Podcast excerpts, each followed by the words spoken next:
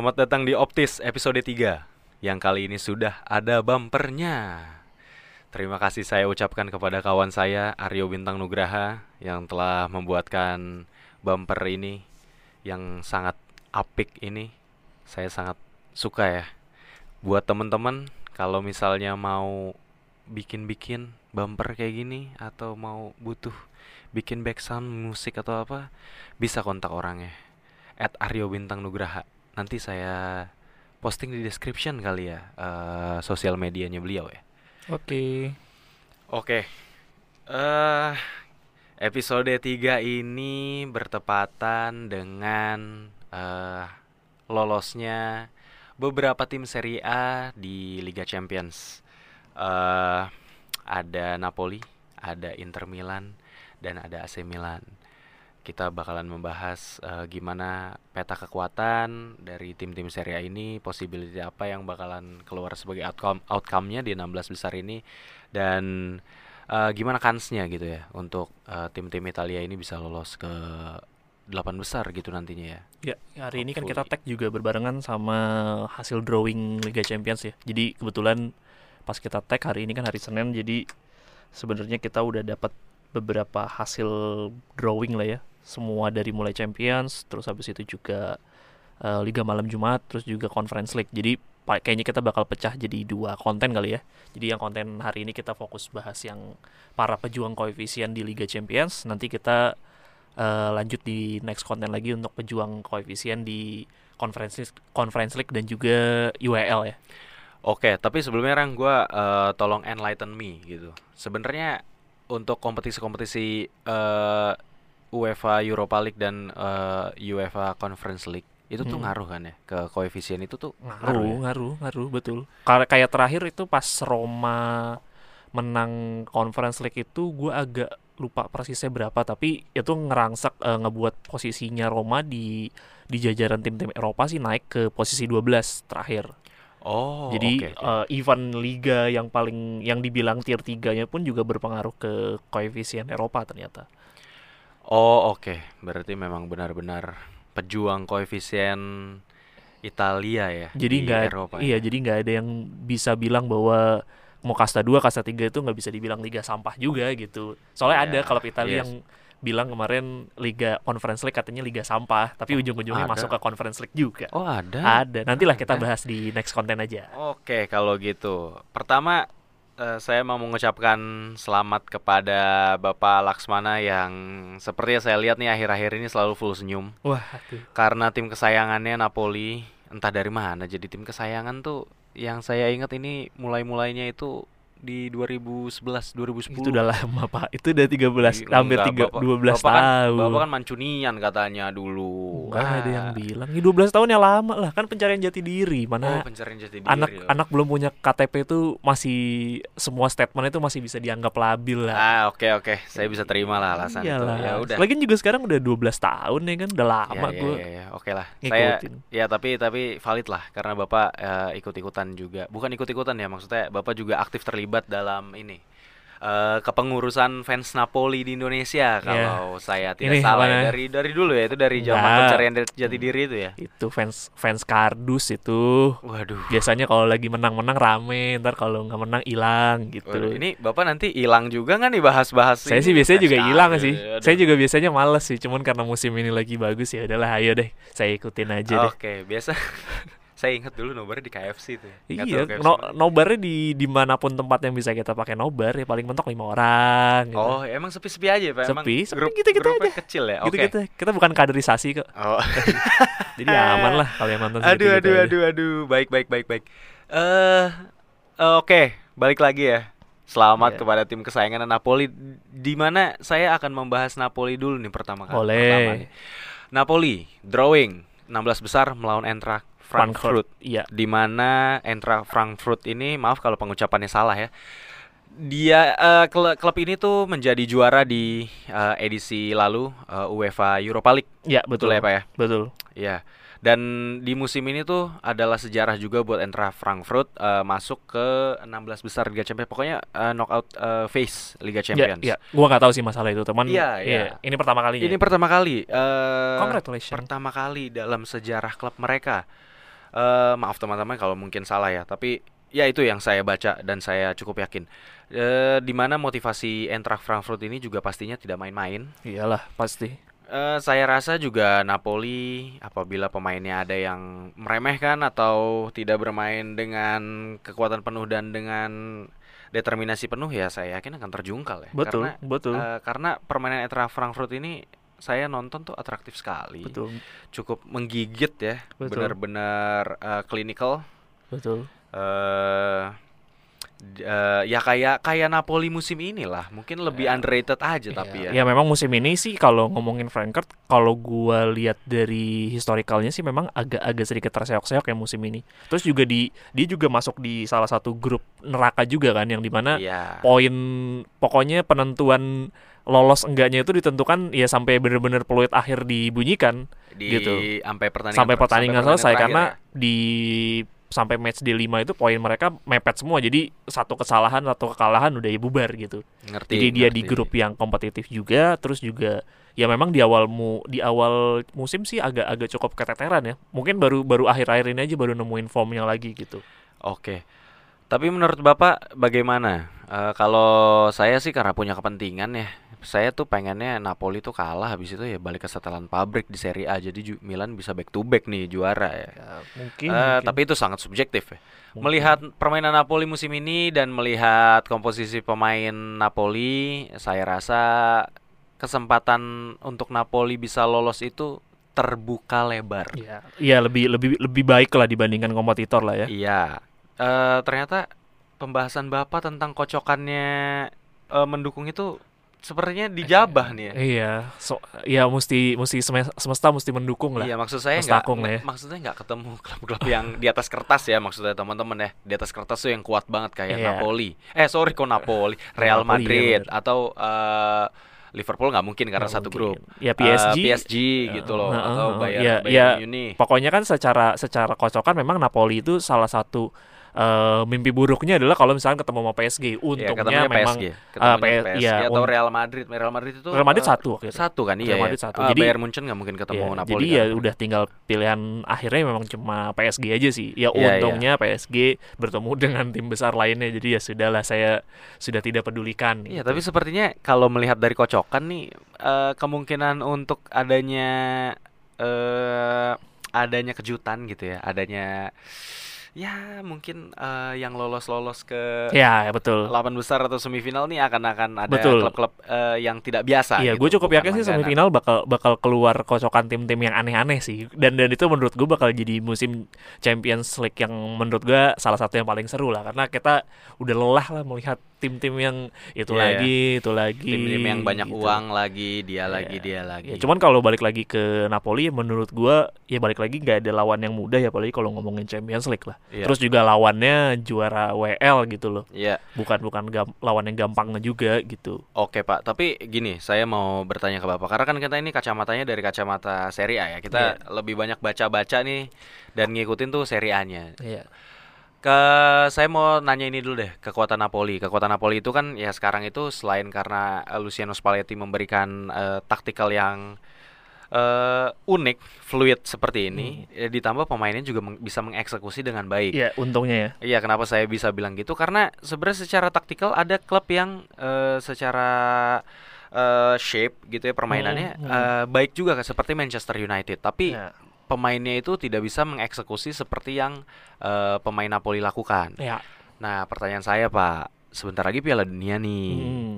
Eh, pemain-pemain Napoli ini pemain kuncinya ya. Hmm. Itu correct me if I wrong, nggak nggak banyak yang ikut di Piala Dunia. Contoh pemain kunci yang saya bahas itu adalah si password WiFi, Farad Skelia, Ya. eh, Georgia, Hmm. nggak lolos Piala Nggak Dunia. lolos.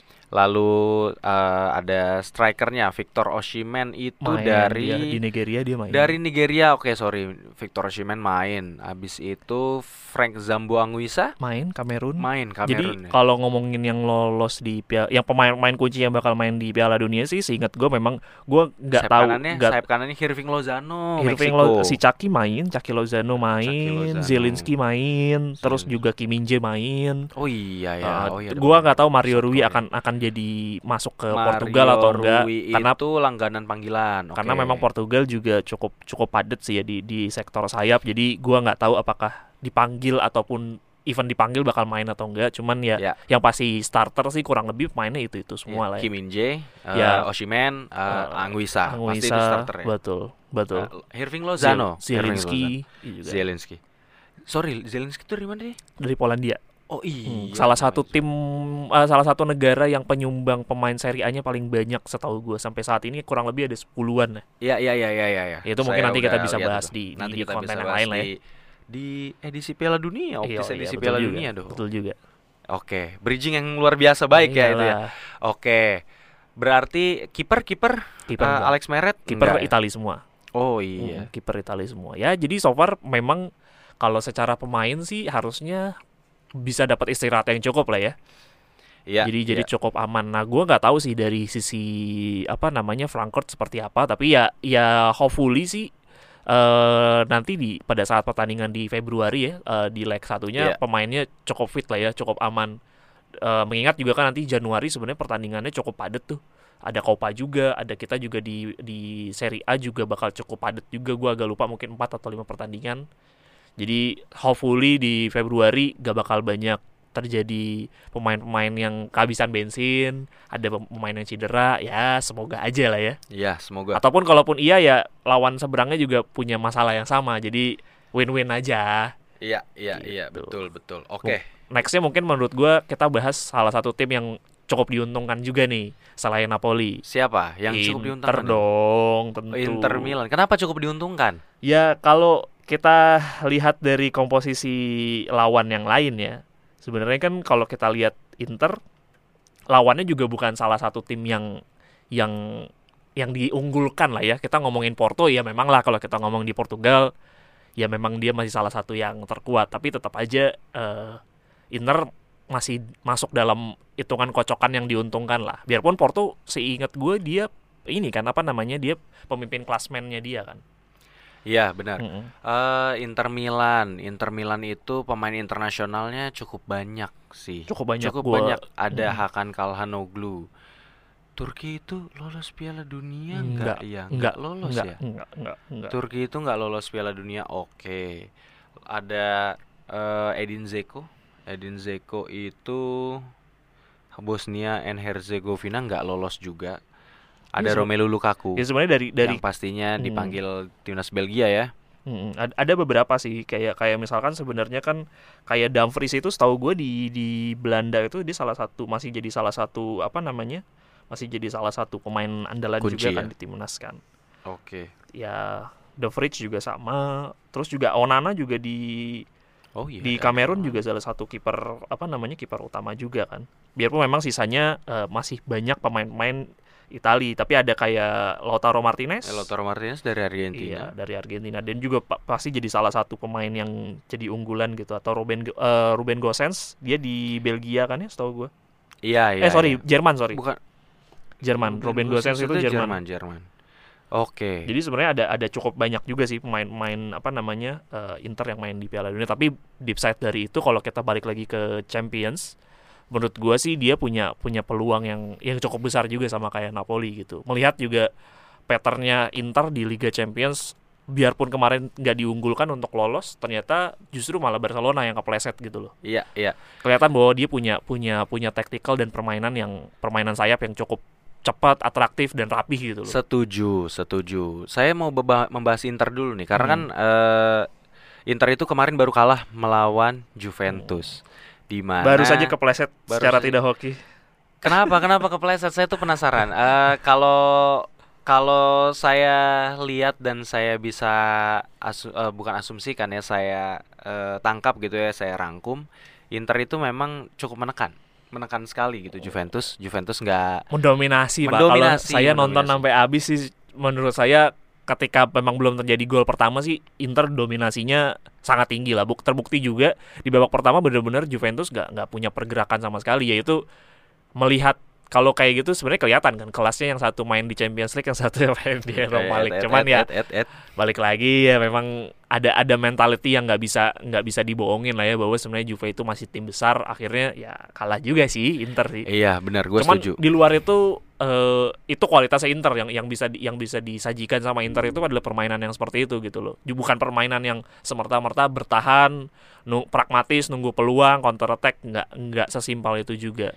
Iya, Inter itu memang em, mengambil inisiatif serangan. Tapi kalau pakai bahasa teknisnya, bahasa ininya lah ya, bahasa punditnya, Hmm. Juventus itu bermain lebih efisien berarti, karena dia bisa mengkonversikan perlu peluang menjadi gol Ya, dari Adrien Rabiot, eh, Rabiot dan Fagioli. eh, iya Fagioli. Ya. Itu wah itu anak muda satu itu bakalan ingat seumur hidupnya itu Iya, seperti karena Fagioli juga memang beberapa langsung pertandingan terakhir dia selalu jadi pencetak skor untuk Juve sih. Derby Di mana della itu hal yang.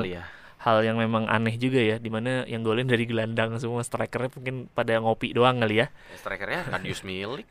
Ah, ya milik siapa? Nggak Milik. tahu. miliknya Napoli tadinya habis itu dimiliki oleh Juventus aduh Milik swasta. Ya Milik- udah. ya, waduh Ya, tapi Ini milik negara kalau gue ngomongin ya di luar dari pertandingan semalam lah ya yang yang menurut gue anti klimaks gitu loh. Eh, menurut gue sih Inter masih masih jauh peluangnya masih jauh lebih besar dibandingkan Porto gitu loh. Di atas kertas ya tapi Di atas ini, kertas, ini, betul. uh, Champions League di mana apa pun bisa terjadi Betul betul betul. tapi log logik ini ini eh, statistik dan dan per- dari hasil permainan sih nggak bisa dibohongin lah ya. ya tapi maksudnya eh, tapi ya walaupun saya sebagai fans Milan ya ya saya juga tetap menjagokan Inter lah untuk Iya, bisa lolos gitu Biarpun Porto juga pemain-pemainnya bukan pemain yang ecek-ecek juga sih Iya. kalau dibilang sih. iya tapi tapi buat buat kita ya Hmm. Rang yang memang menyukai eh, Serie A gitu ya, Hmm. yang masih ger- gemes-gemes gregetan Hmm, gitu ya, hmm, masih ada passionnya nonton tim-tim Italia. Kayaknya ini eh, musim Liga Champions yang eh, cukup seru nih. Cukup Kar- seru untuk karena- untuk untuk beberapa musim terakhir ya, karena perwakilan Italianya nih akhirnya banyak nih. tiga akhirnya Mm. tiga untuk untuk pertama kali dari sekian lama ya kita ngasih ngasih kontestan yang cukup banyak gitu di musim ini dibandingkan musim-musim lalu mungkin kalau nggak satu dua Betul. itu pun juga mungkin dua satunya udah kepleset di Habis awal itu gitu di awal atau atau ya di babak 16 besar Iya, kalah. iya gitu 16 besar abis, abis itu ya quarter final hilang gitu biasanya itu yang terjadi gitu loh di beberapa musim terakhir. Tapi ya sekarang gua gua sih honest musim ini eh, sta- gua nonton bola jauh lebih banyak dibandingkan lima musim terakhir sih. Mungkin kayak seminggu gue bisa nonton 3 4 pertandingan gitu. Yang di mana dulu gua kayak ayo satu aja dan itu juga klub kesukaan gue itu malas banget gitu. Iya, gua gua gua pun sama. Maksudnya eh Karena selain karena podcast lah ya. Pod- Iya, gua sel- jadi punya punya beban moral saya Ah, mesti iya nonton. bener-bener harus nonton bener-bener karena beda banget rasanya Iya. nonton highlight atau nonton cup- eh, pokoknya highlight atau mini match gitu sama Hmm. nonton langsung gitu. Iya, karena, Karena highlight nonton ya langsung pilihan kan sebenarnya. Karena nonton langsung itu kita bisa ngelihat nih ada orang yang salah ke salah kepleset tendang bola Iya. gitu ya. Ada ada tuh. kita ada. bisa ngeliat sesuatu secara holistik dan kita bisa dapat sudut Ya. kalau menurut gua pribadi gue bisa dapat sudut pandang dari sisi pelatih atau dari sisi taktikal Iya, atau dari sisi emosi di lapangan sih, Rang. Lebih Betul. tepatnya karena apa? Maksudnya kalau cuplikan highlight itu kan emang udah ibaratnya udah udah kesempatan banget nih Iya, gitu ya atau memang kan proses-proses ya, yang kurasi lah. emang iya yang udah dikurasi. Nah, kalau misalnya pertandingan yang uh, full itu kan bakalan langsung Hmm. uh, kelihatan Hmm. banget tuh apa yang Iya. terjadi di ya side side side Iya. dish side dishnya gitulah betul ibaratnya. betul Eh, Inter, Inter. ya mungkin gue coba balik lagi ya kalau di Porto gua salah satu pemain yang beberapa musim tuh selalu gua perhatiin yaitu striker dari Asia Mehdi Taremi nah itu Oh, Mehdi Taremi. Lu- siap. lu nggak sadar mungkin tapi di musim ini di Champions League dia golin 5 loh udah golin 5 loh gila. Maksud gua dan setiap musim tuh dia selalu konstan gitu loh. Nyiptain peluang nyiptain gol dan dan memang tipikal striker yang yang produktif gitu loh. Jadi menurut gua itu yang salah satu pemain yang harus diwaspadain lah ya dari dari sisi Inter gitu. Biarpun di lini belakang lo Diogo Costa juga kiper kiper timnas juga itu Oh, iya, jago juga gitu loh. Jadi ya kita lihat ya nanti Iya. musim ini apakah Mehdi Taremi kembali menunjukkan tajinya Cukup bisa seru. bikin dua digit gol lagi Cukup seru, cukup seru. Makanya. Cukup, cukup ngegigit untuk ditonton. Ini Iya. ini ini eh, setelah setuju sama lu Rang. Beberapa tahun terakhir gue juga jarang nonton bola. Ini adalah musim bola yang memang gua ngikutin dan kayak dapat serunya gitu loh. Iya, iya. Sebenarnya ya sebelum sebenarnya se- musim-musim sebelumnya juga nonton Ya, bola, ya nonton bola. Cuman Tapi nggak lebih banyak dan nggak- lebih melototin iya, gitu. nggak lebih melototin nggak- dan nggak lebih banyak. Paling kalau misalnya mu- musim-musim sebelumnya gue nonton eh, dua sampai tiga pertandingan nih tiap weekend. Sekarang kayak bisa hopping-hopping gitu loh kayak Iya, iya, iya. hopping ini Iya. apa jadi bisa Iya. ya gue bisa bilang empat empat pertandingan lah gitu ya Iya, Se- walau- walaupun gak semuanya iya. fokus ya paling Iya. beberapa tim Ya doang minggu kemarin salah satunya gue cukup banyak tuh kayak misalkan Salernitana gue tonton, terus juga habis itu Napoli gue tonton, hopping lagi, terus semalam juga ya ada Roma gue tonton, terus habis itu ada Juve gue tonton, gue lompat ada MU, gue Iya, lompat iya, lagi iya, ada Ajax gitu maksud gue itu rame banget gitu loh dan dan ya mungkin kema- kemarin gue udah bisa nonton 6 atau 8 pertandingan kali minggu kemarin jadi menurut gue sih kayak wah hajar nih ya selain karena hype-nya Piala Dunia dan hype-nya Napoli dibalik dan podcast juga tapi kayak mungkin sepak bola musim ini lagi lagi cukup menarik untuk Iya. gua gua perhatiin juga sih. ya untuk kita pribadi paling enggak Iya, ya karena Lagi- lagi seru, beberapa tim-tim yang biasanya dominasi lagi kehilangan gigitannya, kayak misalkan di Premier League Arsenal lagi tiba-tiba naik, ah terus bener Napoli juga lagi naik, tiba-tiba di Napoli. Eredivisie juga ternyata Ajax juga lagi digrogotin. Jadi ya seru lah. Terus juga La Liga gua lihat ya masih ya biarpun dominasi tim yang di atas masih tetap sama tapi ya masih Du- Barcelona Real Uh, Madrid tapi kemarin kan dan- Barcelona sama sekali nggak nggak bisa ngejar kan. Di Iya. musim ini Barcelona lah Barcelona punya punya squad yang lebih lengkap gitu loh. Dan kayak Iya. di Bundesliga juga eh biarpun baru kepleset ya Union Berlin tapi kemarin cukup lama di di posisi satu di gitu loh. posisi Jadi satu benar seru banget gitu loh musim ini lagi eh lagi layak buat diperhatiin lah. Ya, asik asik asik Hmm. asik banget lah Gitu. oke tadi itu Tapi Inter iya, ada- ya balik lagi lah ke Champions Iya kita ya. balik lagi ke Liga Champions. Emang eh tapi ter- terlalu sorry sorry semangat. sorry gue intermezzo dulu nih ini seru Terlalu soalnya. semangat soalnya Iya bahas- Ro- Roma bahas- sama Lazio tuh semalam gue nggak nyangka Lazio bisa menang. Saribol Eh, pelatih sebenarnya kesayangan sebenarnya nggak ada Saribol di pertandingan itu Itu di pertandingan itu kayaknya emang udah barbar aja. karena memang eh, kehilangan banyak pemain kunci juga Lazio. Gua gua nggak bisa nyalahin karena Immobile nggak ada pergerakan di depan semua mati. Itu bener-bener ya kalau kata Mourinho bener golnya setengah. Karena memang karena memang tuh Mor- nggak ada peluang yang bener-bener bagus untuk untuk gue bisa aja nikmatin gitu. Jadi dan Mourinho juga sama kayak pertandingan lawan Napoli ngegigit ke depan tapi nggak punya opsi di, di, di lini serang mati aja gitu loh. Iya. kaku aja gitu loh. Iya, jadi iya, di iya. depan putus di depan nggak jelas serangannya gitu. Ya, ya ya, begitulah begitulah. Balik lagi ke Liga Champions. Iya. Ada tim terakhir yang lolos.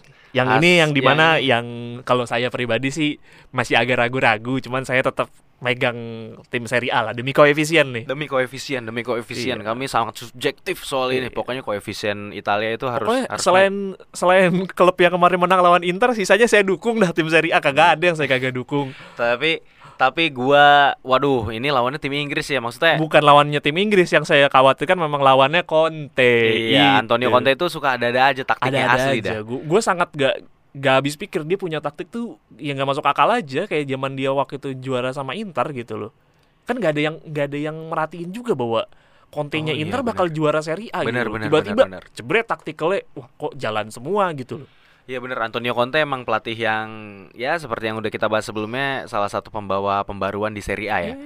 Eh, gua- jujur gue deg-degan ngelihat eh tapi nggak lebih deg-degan lah kalau misalnya Milan harus ketemu Sama Real Madrid. Real Madrid gitu ya. itu sih paling lo itu kayak gak usah aduh. lo gak usah lo tonton dah. Gue juga males Ya gitu. gue ngarepinnya Luka Modric, Toni Kroos apa kayak eh, kecengklak kayak pas Iya, Piala. Dunia atau apalah gitu. ya. bensinnya habis Ah, gitu iya, lagi lagi habis. jalan naik bus. Iya atau apalah pokoknya nyasar di eh, hutan mana Iya, gitu nggak mungkin itu kan hutan seluruh- juga sih ya itu Piala Dunia Iya, ini. untungnya sih Qatar. akhirnya di secara tim Italia sih dapat drawingnya ya yang cukup mudah ya. ya makanya agak konyol juga kalau sampai nanti tiba-tiba tiga-tiganya nggak ada yang lolos di 16 besar sih menurut gue sih konyol. Cuman Iya. kalau balik lagi ke Milan, kenapa gue bilang ini jadi salah satu yang sulit karena balik lagi biarpun Conte juga secara tot, eh, kita ngomongin Tottenham juga bukan tim yang stabil ya di di sampai Iya. kemarin lolos pun juga sempat tertinggal dulu kan 1-0 Iya, ketinggalan satu kosong sampai tapi di menit dikalahkan. 90 plus 7 Ya, tapi nggak, baru itu- baru akhirnya lolos ya, menang itu 2-1.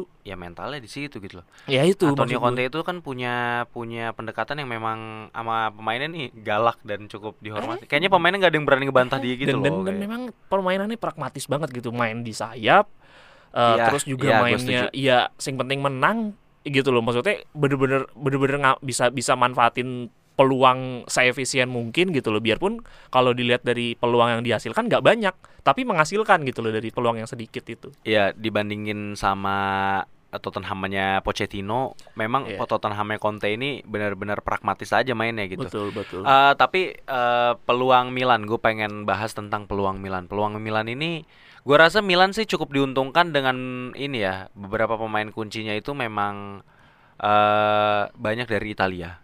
Iya. Contoh ya, contoh-contoh Iya, backnya betul. ada ya Davide Calabria memang lagi cedera ya. Tapi kan eh backnya itu ada Tommaso Pobega, Mm. asli Italia Hmm. gitu. Eh tapi kan di gelandang kan termasuk Po- Pogba. Ya, Eh, tapi dia Pogba. bisa bisa jadi pemain tengah, back Iya. tengah pak. Mm. Habis itu ya Ismail Benacer dari Aljazair. Mm. Algeria nggak lolos Piala Dunia ya. Hmm. Sandro Tonali Italia asli, nggak ada nggak ada eh, lolos Piala Dunia. Habis itu Olivier Giroud tapi eh, Ya, tapi banyak-banyak Prancis. pemain Banyak Prancis juga Le- Leao. Portugal. Sayap kanannya Milan itu ada si aduh kok gue lupa sih. Coba Ante Rebic. Sa- Enggak jangan Ante Rebic tuh. Samu Castillejo. Oh, sama Castillejo. Castillejo nggak tuh? Eh ini Junior Mesias, pemain Brazil loh itu. Pemain Brazil. Negaranya Brazil, tapi bukan pemain timnas Brazil. Ya menurut gua chance-nya Milan ini sih aduh gua gua mau bilang 50-50 juga gua takut tapi 50-50 lah.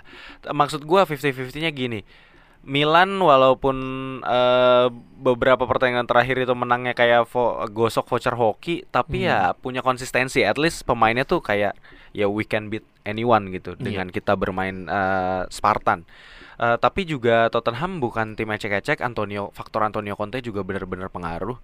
Eh, ya gue berharap aja ya kayak Son Heung-min atau pemain internasional dia lain Harry Kane itu kayak kehabisan bensin aja sih. Hmm. tapi nggak nggak nggak enak lah kalau berharap sama ini ya kayak Berharap sama faktor nasib gitu kayak, kayak gitu. lu coin toss Iya, sama iya. nasib gitu ya Ya kadang gue juga paling benci sih sama ngomong orang yang berharap fa- faktor eksternal sih. Iya, ya. iya. Tapi ya gimana lagi di, iya di dunia sepak bola faktor eksternal juga adalah salah satu faktor yang menentukan. Iya menentukan juga, mana kayak gitu. ya kayak yang lu bilang kocokan Napoli kan menurut Iya. juga tanda kutip ya Iya, untung, mendukung juga untuk mendukung. Napoli punya peluang lebih besar di atas kertas ya Mm, balik lagi ya mm, mm, mm. untuk bisa lolos ke babak Betul, selanjutnya gitu. Betul. Eh, dibanding sama eh, tim-tim yang memang udah punya mental juara atau di atas kertas memang jauh lebih kuat Iya. seperti PSG atau Real Madrid gitu ya yang Atau mungkin ketemu Liverpool. Napoli. Iya. Nah, eh, tapi ya gua berharap Stefano Pioli punya cara, eh, punya eh, trik juga. Berharap juga di bulan Januari Milan bisa ngedatengin eh, beberapa pemain yang memang bisa menjadi pelapis sepadan untuk eh, tim intinya atau memang punya pemain yang ya sekalian aja gitu gambling entah ini dia dari mana gitu Iya, tapi bisa memberi iya dia bisa memberi impact gitu loh. Iya. ya kalau pemain akademi gua rasa untuk bisa bersaing di Liga Champions eh kecuali dia emang eh, talent banget ya Mhm, gitu. Ya Ada kemarin yang talent habis ngegolin pemain akademi Milan yang ngegolin talent talent besar Daniel Maldini. Daniel Maldini tapi buat On goal. Spezia. On goal. tapi buat Iya, Spezia. on goal. on goal jatuh iya ya. Aduh, Iya, iya, dia- ba- banyak sih dia sebenarnya. mau selebrasi Iya. juga kemarin tuh agak eh ya bapak Iya, gua nanggung, ya. nanggung. aduh bapak gua tim sono ya aduh gimana nih Tapi balik lagi kalau ngomongin peluang sih menurut gue gue masih masih sedikit ngunggulin Conte dan dan Tottenhamnya sih. Karena gue lihat secara Dengan berat secara juga. secara pemain juga aduh gimana ya kalau dibilang pemain eh, struktur permainnya Tottenham udah lebih mature gitu loh. Apalagi di, di area sayap di mana memang itu lawan lawan sepadannya Milan gitu karena Milan kan memang pergerakannya dimulai dari area sayap kan. iya benar Kalau benar. diomongin dari sayap kiri kan ada Theo Hernandez, ada Rafael Leo, tapi di kanan wah jangan salah ada Dejan Kulusevski di sana gitu juga ada di sisi kanan ada apa namanya Betancourt yang kadang juga diplot agak sedikit melebar ke kanan. Jadi akan akan cukup kesulitan juga gitu loh dari sisi kiri bisa jadi agak sedikit mati gitu. Nah, ini tinggal tinggal taktikal dari Pioli aja mau Iya. ngakalinnya gimana. Menurut gua gini sih, karena gue juga lumayan nontonin Milan. Milan itu kan mainnya kayak gitu-gitu aja sih sebenarnya eh, apa bolanya kelepas ya press. Hmm. Ya, atau itu betul. counter secara sporadis. Emang itu gaya Betul. mainnya Pioli. Betul ya. Harapan terakhirnya tinggal Iya, permain se- dan- semangat juangnya aja. Iya dan dan Pioli ya gua rasa gini loh, orang eh, menurut gua pelatih dengan satu taktik itu juga nggak bisa dibilang jelek. Kenapa? Tapi dia harus bisa bikin taktik kayak ini tuh yang bener-bener well crafted sampai Iya. orang nggak bisa eh, eh, ya nggak bisa ngelawan gitu dengan Iya taktik. betul betul. Con- ya, mungkin Ya ini orang analogi orang yang- orang tahu taktik lu tapi orang nggak nggak bisa Iya, ngema- iya. ngantiin taktik lu. Iya, kalau gua analogiin tuh kayak Arjen Robben gitu, kayak kita tahu Hmm. gerakan Arjen Robben gimana. Kayak kita tapi tahu Messi. nggak iya kita juga tahu Messi gerakannya gimana, tapi ya udah. Ya, ya Messi gitu, ya Robben hmm. gitu. Mm, Ya, ya memang jadi ya kalau menurut gue sih ya kita tinggal lihat aja eh, pendekatannya Pioli gimana karena menurut gue salah satu senjata utamanya Milan ya ya semangat daya juangnya dia gitu loh. Iya, tapi tapi juga menurut gua Milan juga harus berani ngambil inisiatif serangan lawan Tottenham karena memang Tottenham ini juga pragmatis jadi ya ya ada juga mainnya yang set playnya cuman gitu-gitu aja Iya, bukan yang betul. bukan maksudnya bukan yang bener-bener possession the ball gitu ya. Iya, Kalau lu betul, nontonin betul. Tottenham kan emang Betul, betul. dari tengah, passing ke depan, passing lagi ke belakang, samping, betul, betul. sprint, Sayap, Sayap, gitu. uh, Hajar. umpan, hajar atau cutback uh, second line-nya yang di uh, hidupin untuk bisa Iya. cetak gol. Kayak gitu atau manfaatin emang uh, pressing counter gitu Iya, dengan betul. kecepatan yang dipunya dimiliki sama Son Heung-min dan ketepatan yang dimiliki dimiliki sama Harry Kane gitu ya. Betul, betul. Nah, itu sih. Jadi menurut gua Milan eh, dan gue berharap coach Pioli juga bisa inilah berani untuk megang bola, berani untuk bikin set play yang eh, paling nggak bikin Tottenham tuh kaget atau eh, Conte juga nggak nyangka gitu loh bahwa oh bisa main gini juga nih Iya. tim gitu ya. Jadi itu dan nyuri dan nyuri gol pertama gitu. Iya, nyuri it- gol pertama kalau kalau Milan sih bisa dapat nyuri buat gol nguasain. pertama, Milan bisa main kayak caranya Milan yang biasa menurut gua. Iya. Jadi emang udah ngepercaya karena cenderung musuhnya yang akan nyari gol Iya, balik gitu betul, kan. Betul. Itu loh. Itu sih Ya, ya. tapi memang ya menurut gue jadi ujian berat karena setahu gue pertandingan pertama dimulai di markasnya Tottenham jadi Betul, ya betul. itu itu jadi ujian berat pertamanya Milan juga gitu loh terus juga Iya. menurut gue di di lini depan kan sebenarnya Oliver Giroud sampai sekarang masih jadi salah satu tumpuan akhir ya Iya. ya di mana banyak banget eh, akhirnya yang yang jadi penentu kemenangannya Olivier Giroud kan Iya, gue juga gue juga nggak nyangka gitu. Eh, ya, Tapi gue juga gak nyangka. Iya. Padahal kan sebenarnya kan yang di ad- ada pemain yang mau diplot sebagai pemain utama tapi ternyata masih belum maksimal kan. Iya benar. Iya. Buangannya Liverpool ya. Ya buangannya Liverpool, Iya, terus gua- juga dari klub Brook juga Iya, yang yang sampai sekarang pembelian yang salah satu yang mahal tapi masih belum masih belum menunjukkan kelihatan nih. tajinya. Iya nih, aduh pusing. Ya kalaupun tetap dengan mengandalkan Giro ya harus salah satu yang mesti diwaspadai juga memang sebenarnya di lini belakangnya Tottenham masih ada Clement Langley kan. Hmm, iya iya. Iya, Iya, dan, dan ada benar. juga eh, apa namanya yang pemain Kolombia Davinson Davinson Cha- Sanchez ya. Davinson Davidson Davin, Davinson Sanchez. Ya itu itu juga kan sebenarnya kalau nggak salah sampai sekarang kan kita eh, Tottenham itu masih main pakai back 3 kan. Biarpun di da- daerah kirinya tuh masih manfaatin Ben Davis tau gua. Ben Davis biarpun iya. sebenarnya kan dia kan back kiri kan. Iya, benar. Tapi dimanfaatin benar. kadang di di tengah terus juga kadang dia suka Ya, rotasi bu- sama buat ngisi-ngisi gitu ya. Eric Dyer Iya, iya gitu. ngerti ngerti gua, ngerti gua. Cara Tapi mainnya Tottenham. kalau ngomongin bener-bener lini tengah eh, back tengahnya ya itu Lenglet dari dari apa namanya lihat dari eh, Prancis ya. dari Prancis Iya, dan udah dan Barcelona manajer kan kali ya. Ya, iya manajer. udah kalau udah lintingan pasti dia kayak ah lu ntar ke sini gue tahu gitu Iya. lo pakai kaki ya udah pala gue gue turunin biar pelanggaran Iya. Kayaknya bisa deh kayak Iya, gitu. jadi Masuk jadi akal. memang bisa jadi ada antesisnya juga sih. Gua nggak tahu lah. Kita lihat aja eh, adu strateginya Conte sama Pioli Iya. gimana lah nanti. Bener bener ini ini gue buat gue bener-bener ini menarik banget itu. Menurut Gue gue bahkan ini gue beneran ngerasain kayak nggak sabar gitu loh. Eh, Kalau bisa besok main gue pengen iya. lihat gitu. Justru Eh. gue salah satu pertandingan yang gue penasaran selain dengan big match yang lain ya. Justru Napoli menurut gue oke ya ya ya ya ya seru gitu loh. Tapi maksud gue gue lebih karena gue sukanya bola jadi gue lebih lebih tertarik dengan Iya. pertandingan big match big match ini loh. Iya iya benar-benar. Gitu. Oke. Tapi eh, sebelum penutup nih, gue Mhm. pengen bahas juga tentang tadi Olivier Giroud di umur yang udah 35 tahun. Tapi kayaknya di sepak bola modern sekarang gitu ya, Rang ya. eh, pemain-pemain kayaknya udah mulai aware deh sama kesehatan. Iya, iya. Karena kan sekarang juga kita udah udah kenal namanya sport science kan. Jadi Iya, it- itu jadi- yang ngebantu banget pe- pemain-pemain yang bisa long last sampai mungkin Dan masih 40-an. masih keker kering gitu loh Iya, si Giroud tuh. Iya, tiga Ternyata atletis gitu badannya dia. Luar Iya sampai biasa. 35, 37 ya Ronaldo gitu loh maksudnya. Bisa. Sekarang udah udah memungkinkan gitu untuk pemain bisa bisa main mungkin sampai di ujung ujung menuju umur 40-an gitu Iya benar-benar. Wah, luar biasa sih. Ya sekarang mungkin biarpun nggak nggak sesering dulu ya kayak apa namanya eh, Ibrahimovic kan mungkin di musim ini udah masuk nanti nyentuh ke umur 40 kan. Udah 41, Pak. 41 ya. 41 Ya, tahun ya. ini. Iya itu maksud gua. Jadi jadi itu yang yang yang membuat membedakan olahraga sekarang dan belasan tahun yang lalu ya itu. Kita ngomongin masalah sport science. Iya. Ya, Ya berha gue berharap juga sih jadi apa namanya jadi orang bisa Jadi tren bisa juga ya. jadi tren dan orang bisa ngebuktiin juga bahwa sebenarnya usia di usia itu masih tetap bisa produktif gitu loh. iya. Jadi Bukan liga afkiran lah intinya. bener bener. Jadi di, di Eropa masih bisa tetap ngomong. buat teman-teman semua dan buat lo orang, makanya mulai sekarang jangan lupa olahraga. Ya, oke. Sekian episode 3. Sampai jumpa di episode selanjutnya ya. Mungkin Yoi. selanjutnya kita bakal bahas yang tadi Europa League dan juga kita bakal bahas ada sesi khusus tentang Piala Dunia. Yo, Pokoknya biarpun Italia nggak masuk Piala Dunia, masa Iya. kita nggak boleh nikmatin Piala Dunia? benar kita menikmati Piala Dunia dengan cara kami sendiri, Iyalah. dengan sudut pandang kami di mana kita bakalan ya pokoknya nanti kita lihat aja lah. Yoi. Kayak tim mana yang emang banyak pemain Serie A-nya gitu. Kayak kayak ya semoga mereka bisa perform baik. Jadi kayak gue bisa ngobrol ke teman-teman gue atau ke me- apa ya memutarbalikan sudut pandang pundit-pundit bahwa Serie A ini liga aki-aki nggak juga gitu. tetap kompetitif kok bisa. Betul. segitu aja thank you Thank you.